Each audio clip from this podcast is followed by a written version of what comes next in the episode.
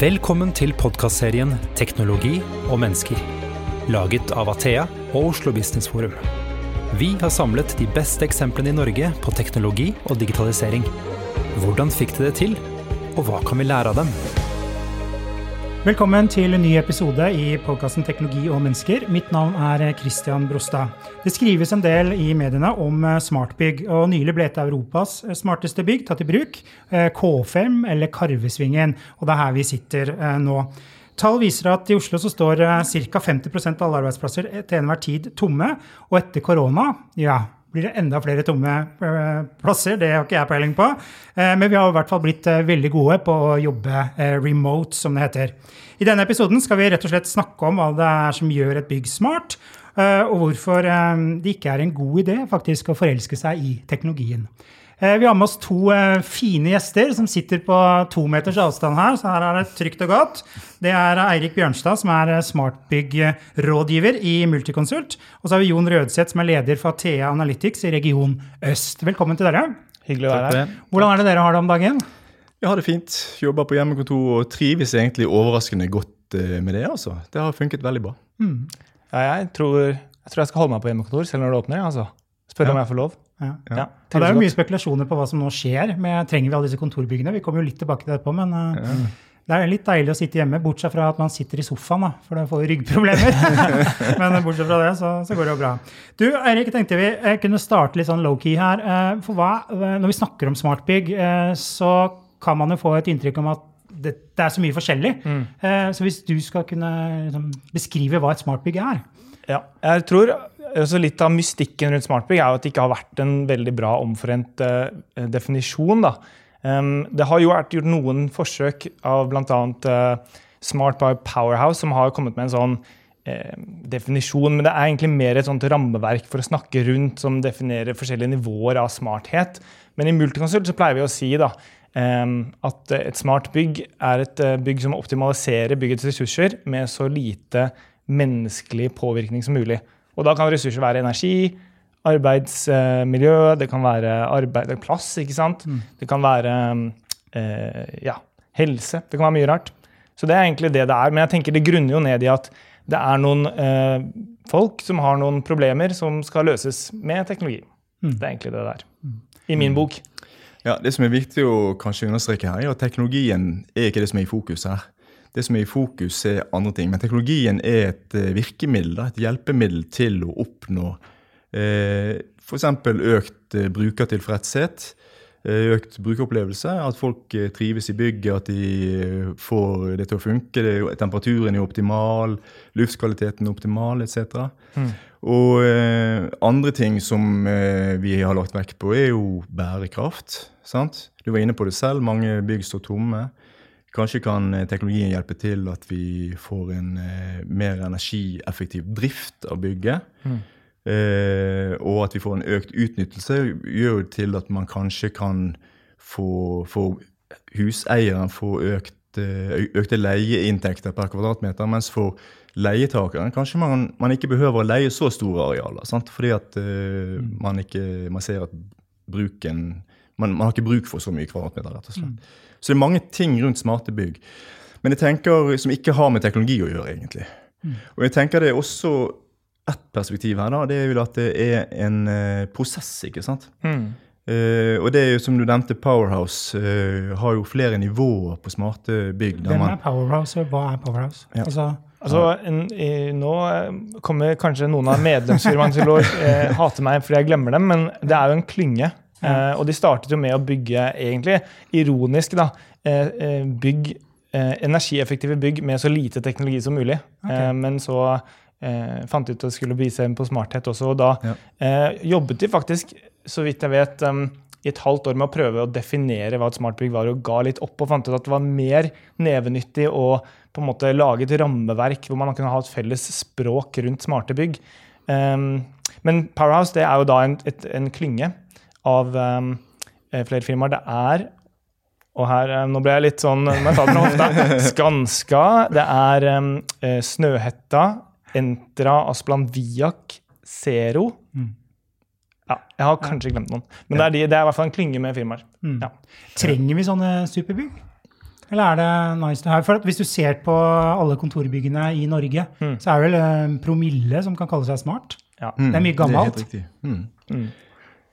Mm. Mm. Det er flere grunner til at vi trenger det. Vi trenger kanskje ja, av hensyn til miljø, bærekraft. Det å bygge et bygg gir jo et eh, miljøavtrykk i seg selv. Og spesielt hvis bygget da blir stående tomt store deler av, eh, av døgnet i etterkant. Fordi at det ikke er effektiv bruk av det. Så, så det, bærekraft er jo, er jo en viktig del ut av det. Og så ser vi jo også at uh, arbeidslivet er i endring. sant? Vi jobber mer moderne. Koronaen har jo vist at vi kan jobbe på ulike måter nå. sant? Så det er også å legge til rette for mer moderne måter å jobbe på på arbeidsplassene. Mm. Der den teknologien kan være med og bidra til det. da. Ja, jeg tenker jo at Du må begynne med eh, et behov. Og det finnes jo mange behov. Ja, men jeg synes det som har vært spennende med å jobbe det her, er jo at eh, for meg som egentlig er en teknologiperson, så, så er det jo verre å jobbe med eh, å på, på en måte prøve å få grep om disse behovene og, og lage funksjoner som faktisk møter folk sine problemer eller gjør hverdagen bedre for folk, um, enn faktisk det er å jobbe med teknologien. da. Eh, det er kanskje bare meg, men, men jeg tenker i hvert fall det må begynne med et eller annet behov. Um, og så må teknologien løse de behovene. Det er det er det, det handler om. Og det finnes jo mange behov. Så ja, vi trenger smarte bygg som løser behov. Eh, eh, nå er jo kanskje ikke byggebransjen eh, Nå representerer jo ikke noen her byggebransjen, for så vidt. Eh, men de er jo ikke kjent for å være veldig digitalt modne.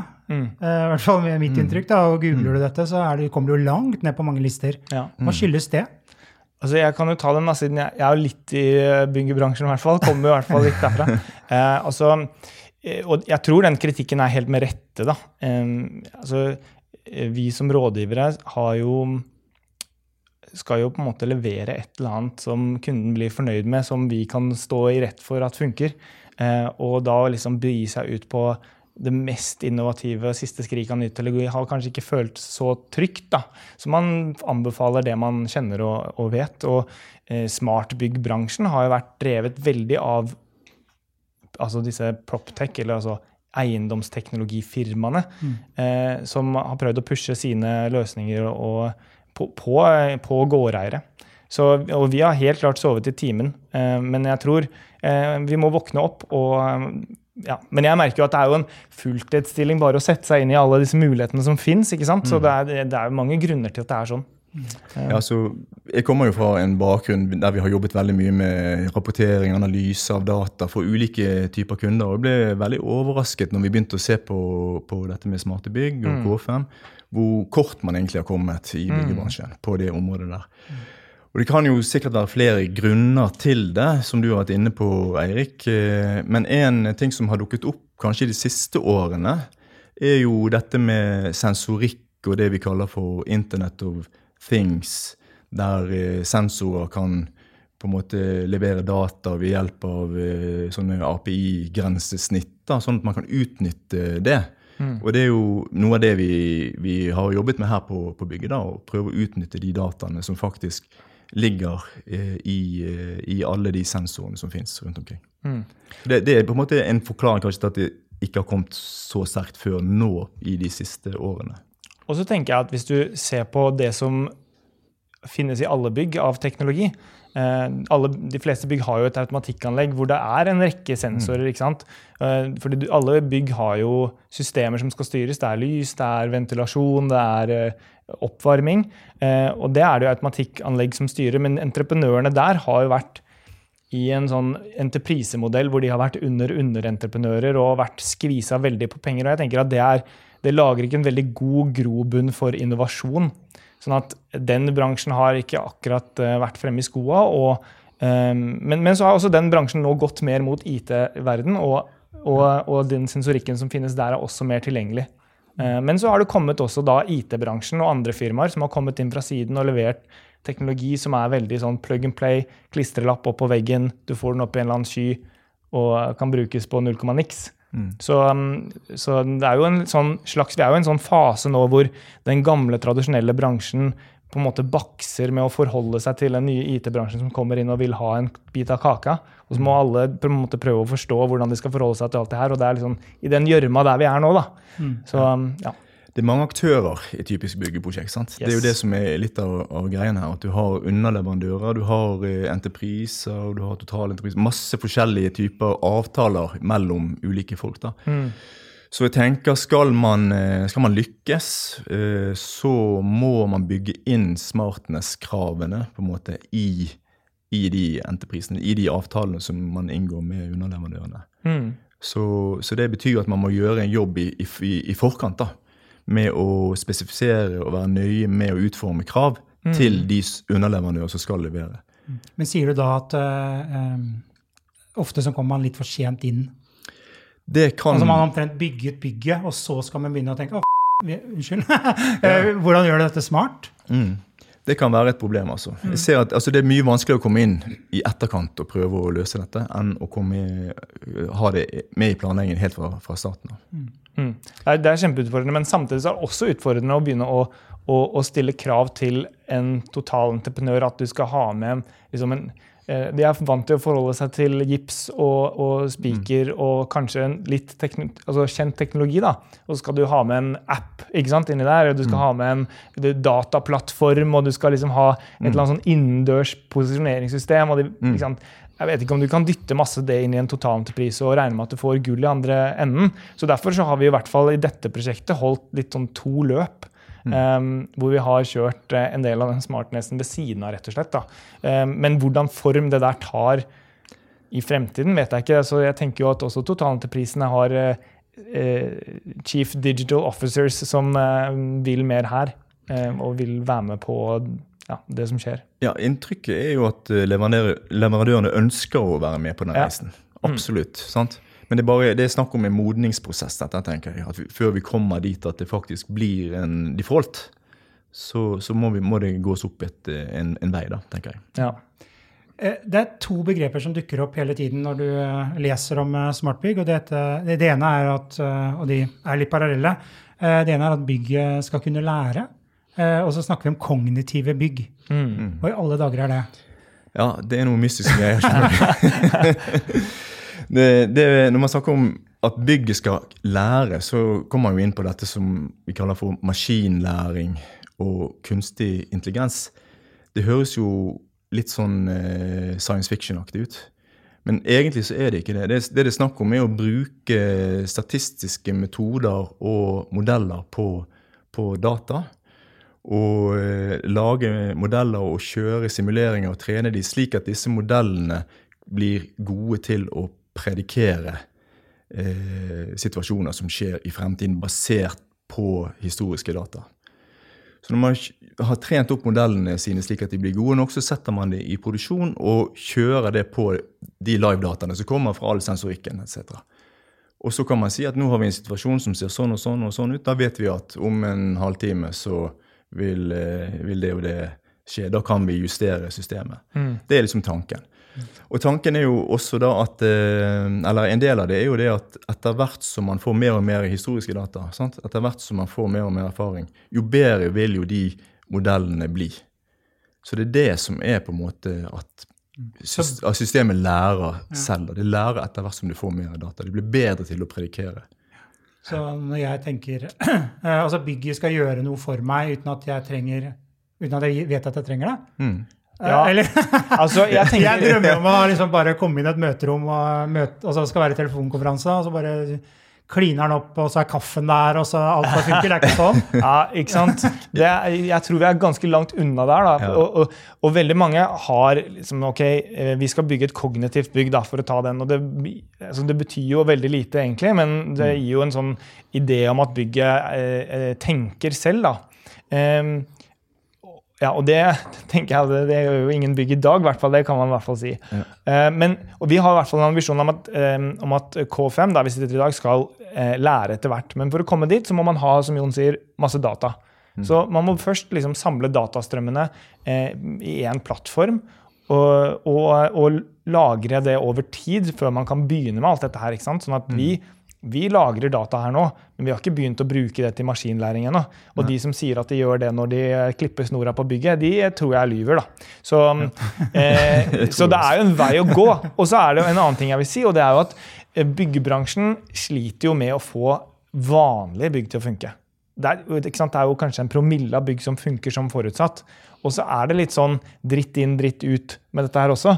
Sånn at hvis du har en database full av data som du egentlig ikke kan stole på, så blir ikke de maskinlæringsalgoritmene For du slår meg i hodet hvis jeg tar feil, Jon. Men eh, altså det, det, blir jo bare det, blir jo bare så bra som den dårligste dataen. Ja, det gjør det. Og så... validere alt det der. ikke sant? Det er jo en kjempejobb som vi har foran oss. Ja, absolutt. Så Det er jo det gode gamle med at eh, garbage in eh, gir garbage out. kan ja. si det, sant? Mm. Så det er jo ikke noe sånn det, det, må jo være en, noe ekstra i tillegg til altså Man må få, få med seg grunnmøren. da. Ja. Men når det er sagt, så er det jo veldig mye interessante systemer rundt eh, det som kalles fault diagnostics, som bruker data til å finne feil.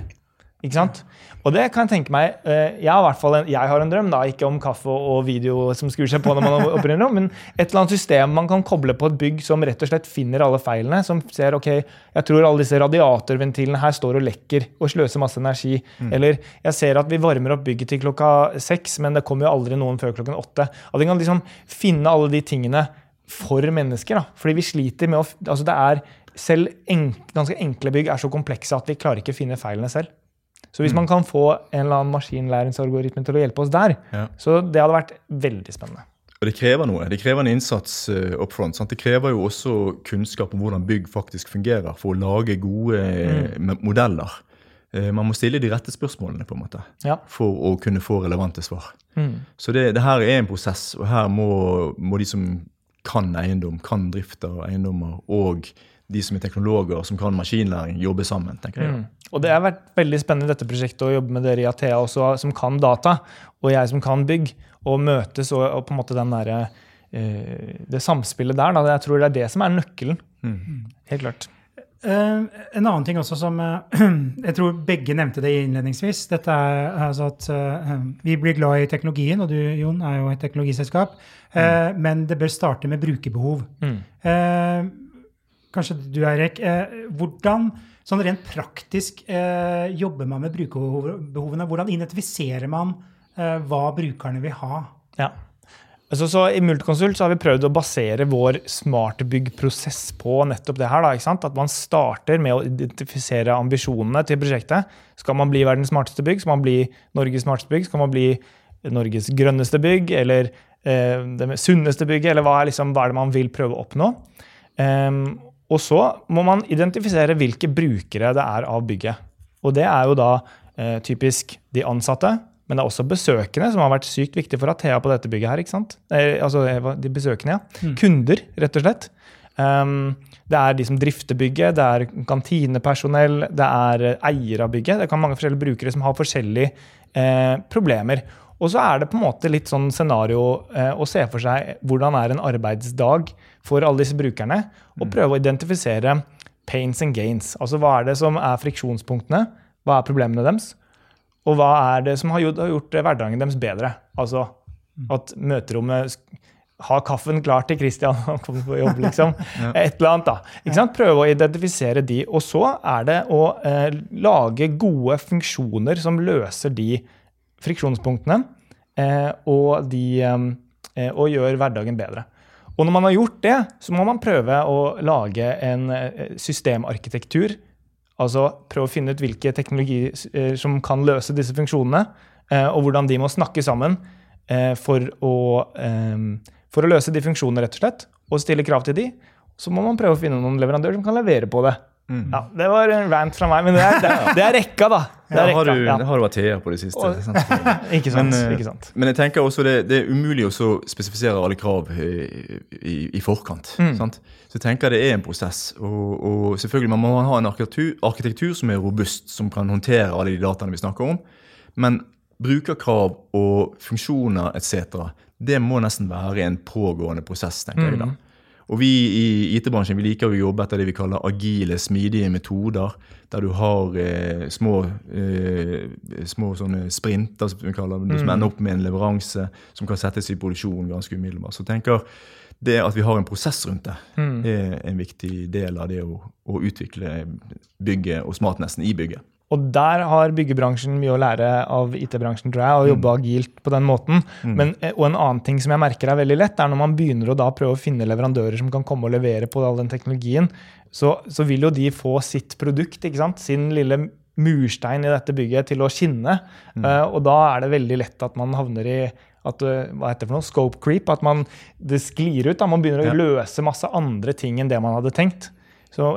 Hva hvis man kunne fått eh, en eller annen beskjed noen på telefonen som sa hei, velkommen tilbake til bygget, Jon. Eh, Caffè latten står klar i andre etasje, liksom. Og så var det, det var ikke noe eh, du hadde sett Vi for er kaffetørste, tydeligvis. Ja, jeg vet ikke. Vi er på kaffesporet nå. kaffefokus her, altså. Ja, nei, men ikke sant? Altså, man, man, har, man finner en eller annen funksjon som ingen egentlig trenger, da. men fordi det, den leverandøren kan levere det, så på en måte hopper man på den hesten. Så Ja. det er liksom viktig å ha litt fokus også på målbildet, tenker jeg. Jeg tror det, det er lett at man blir teknologidrevet, sant? Mm. som du var inne på helt innledningsvis her. og at eh, Vi, har jo, vi kjenner jo Rema 1000-reklame med Open Door og, ja, ja. og det problemet der. sant? Og Vi har kanskje noen små elementer av det i bygget her, s- Ja. uten å gå for mye i detalj. Men, eh, men det, er jo, det er jo ikke smartness i seg selv, på en måte. Nei. Men jeg tror at nå, i- nå i som på en måte den fasen vi er i nå, så er det hvem er det som vil ha smarte bygg? Jo, det er eh, firmaer som Athea, som er tech-firmaer, og de skal, de skal bo i sånne typer hus. Og da, um, da sier du ok, vi skal bo i et smart bygg, og da må vi vise at bygget er smart, og da blir det automatisk litt gimmick, da, rett og slett. Og mm. du skal liksom gjøre litt ut av seg. Du må, du må på en måte føle at bygget er noe mer enn et annet bygg.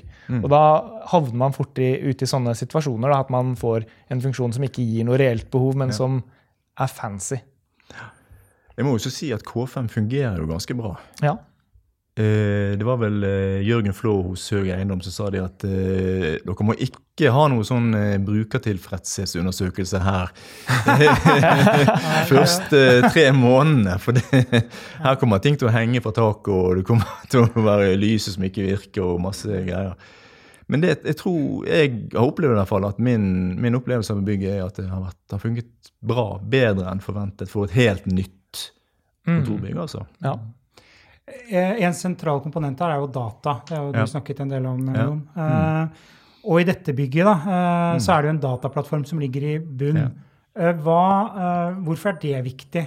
Ofte så kan man jo lese om at man lager data litt i skyen, litt i, i en kjeller osv., men her har vi gjort noe annet. Ja, altså Vår til tilnærming er jo å bygge en dataplattform der vi integrerer de ulike kildene. sant? Slik at man kan, kan se eh, ulike uh, måltall opp mot hverandre. Eh, sant? Vi, har, eh, vi, vi har tall på hvor mange som bruker huset, og vi har tall på energiforbruk f.eks. Det som er nytt her, er at vi kan sette de tingene sammen og måle de opp mot hverandre og si ok, hvor mye energi er det, energiforbruk har vi per bruker. Sant? Hvor mye arealbruk er det per bruker, etc. Så det å ha en integrert dataplattform, det er vel det som er unikt. Eh, Det er veldig mange eh, systemer, fagsystemer som underleverandørene har, som, eh, som man kanskje sier at man flytter opp i skyen, og så har man en dataplattform. Men det er integrasjonen mellom de, det er det som skaper verdi. Det er det som skaper synergier. Hvor Så- vanlig så- er det, Erik, på andre prosjekter du har vært borti? Nei, ikke vanlig i det hele tatt. Eh, altså, det er jo en altså, Det vi gjør her også, i tillegg til altså, de konkrete funksjonene som vi har sagt at vi skal løse, er jo å samle en del data som vi ikke vet hva vi skal bruke til ennå, fordi vi tenker å analysere den. Så vi har på en måte hatt et veldig sånn sterkt fokus på å integrere alt. Eh, og det er veldig mange bygg som eh, sier at de er veldig smarte, men de har på en måte puttet mye sånn innovativ teknologi inn som funker i siloer og ikke har noe integrasjon sammen. Mm. Så jeg tror det er en av de tingene som er virkelig unikt her, at vi har gjort alle de integrasjonene inn i en felles dataplattform, og det åpner veldig mange spennende muligheter. Um, Så det man, man kan si, altså Det er jo noen som sier at smartbygg er et litt sånn pompøst ord. da. Men et integrert bygg kanskje kan være et Ja. eh, mer beskrivende ord på hva vi gjør. ja, mm. Jeg vet ikke om det sier så veldig mye mer, men eh, det er i hvert fall litt mer beskrivende på hva vi faktisk gjør. Hva det faktisk går i, ja. Integrasjoner. Og det, jeg tenker, der er det en vei å gå. Fordi det, er, det vet jo du alt om, Jon, men det er ganske tungt ofte å jobbe med alle disse integrasjonene. Det finnes så mange eh, forskjellige protokoller, forskjellige måter å bygge det på, og det er ofte liksom den ingeniøren som satte opp sin måte å gjøre det på. Det, finnes, det er veldig sånn mangel på standardisering. Og hvis man skal virkelig skalere opp eh, smarte bygg, og kanskje til og med snakke om smarte byer, hvor bygg interagerer sammen og folk kan utvikle tredjepartstjenester som bare snapper på bygg, så må man ha en form for standardisering av datastrukturen og datastrømmene fra bygget. Og der, det er det, din, den veien jeg håper det går.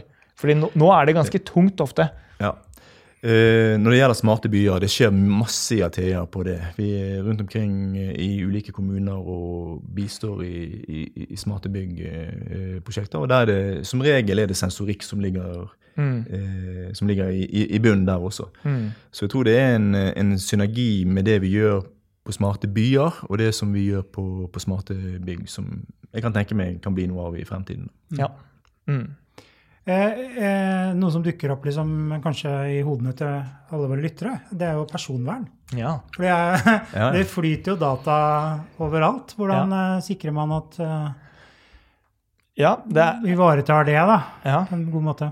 Altså, jeg tenker jo at veldig mange ting som man har lyst til å gjøre, kan man fint løse uten å bruke persondata.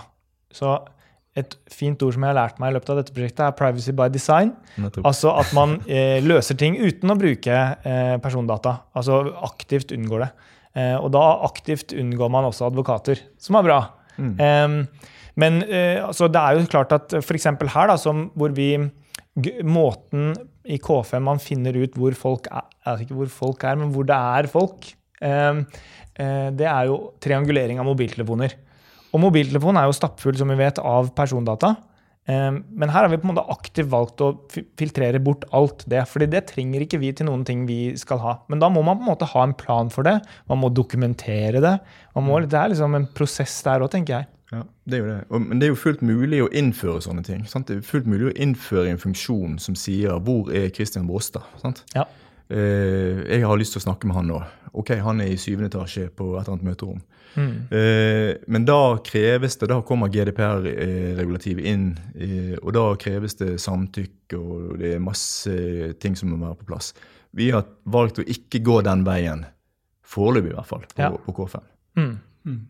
Og jeg liker foreløpig veldig godt når man snakker om smarte bygg. Fordi man har på en måte Det blir jo litt som software. ikke sant? Man har en versjon 1, som vi har her nå. Mm. Og så er det planer for en versjon 2, 3, 4 og 5.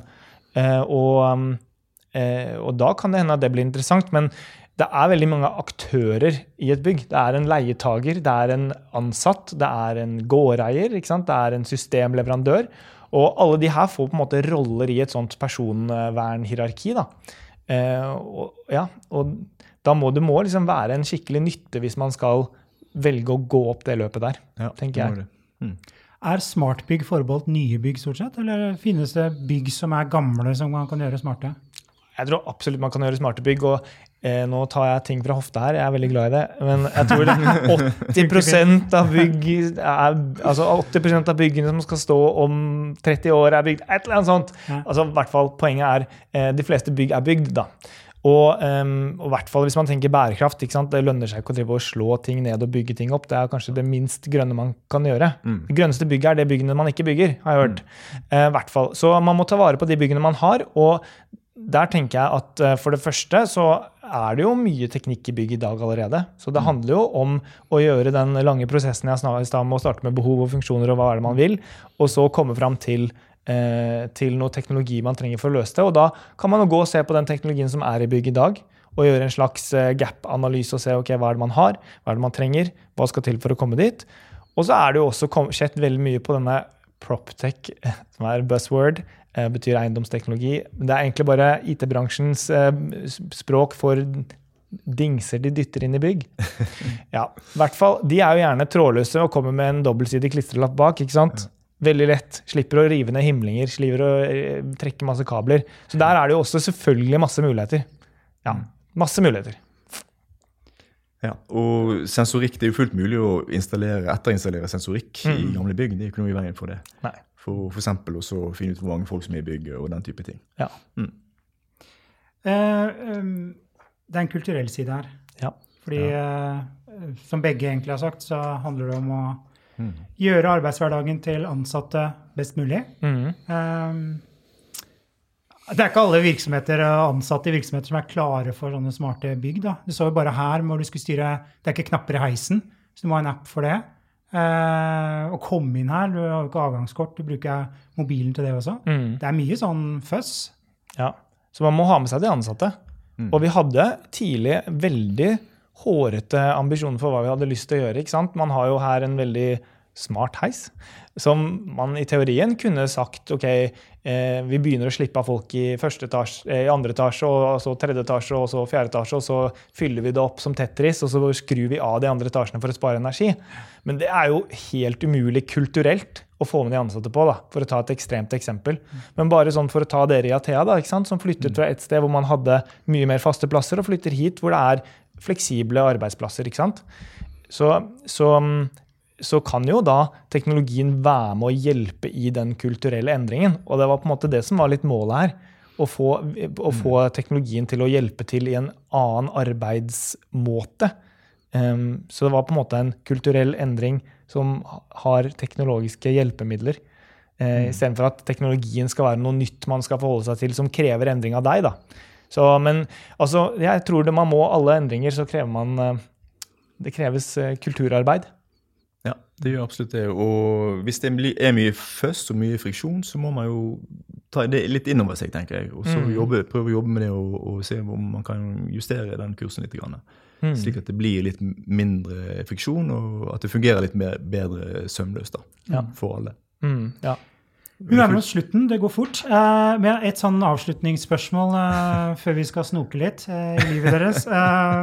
Eh, hvordan, hvis du skal spå litt, Eirik, mm. Mhm. hvordan tror du utviklingen innenfor smartbygg vil være om eh, noen år eller ti år? Du kan velge perspektivet selv. Ja. Hmm. Jeg velger ti år. Nei, Nei jeg, jeg tror eh, Altså, jeg håper at det kommer til å være mer behovsfokusert og mindre teknologifokusert. Um, og så håper jeg at, det, at, at IT-bransjen og byggebransjen møter hverandre i større grad, og de eh, prinsippene som finnes i IT-bransjen med både arbeidsmetodikk, eh, men også hvordan man, for, hvordan man strukturerer og bygger opp data, eh, på en måte kommer lenger, sånn at det blir lettere. Fordi det er litt tungt i dag. Eh, og det er, man snakker kinesisk og russisk, og ikke, man snakker ikke samme språk. Eh, så ja, jeg, det er i hvert fall det jeg håper. Vi må utvikle esperanto eller et eller annet fellesspråk mellom oss. da. Ja, ja, ja et eller annet. Ja. Jeg tenker jo også at uh, smarte bygg eh, kommer til å være standard i nye bygg Ja. om ikke så lenge. Uh, vi ser jo at andre eiendomsselskaper er på, på jakt etter smarte løsninger. Så jeg tenker det kommer til å bli vanlig på nye bygg, og flere som har eksisterende bygg, kommer til å ønske å innføre det på sine gamle bygg. da. Mm. Så Og så har vi bærekraft oppi det hele. Så vi trenger dette. vi trenger absolutt. Ja, altså jeg tenker jo at Mye av dette her går på en sånn desperat søken etter å finne et eller annet behov vi kan løse med teknologi. Men det som er en opplagt sak, er jo bærekraft. Altså Vi må gjøre noe med byggene våre. Det er en kjempestor del av utslippene våre. Eh, så, så den er på en måte, det tvinger seg litt fram da, akkurat på bærekraftfronten.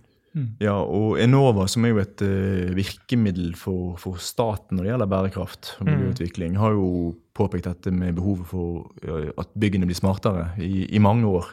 De begynte vel å snakke om det i 2005, eller kanskje enda tidligere. Ja. Så, så, så dette er noe som, som er i fokus, da. Ja. Mm. Bra. Da skal vi over til vår eh, faste spalte.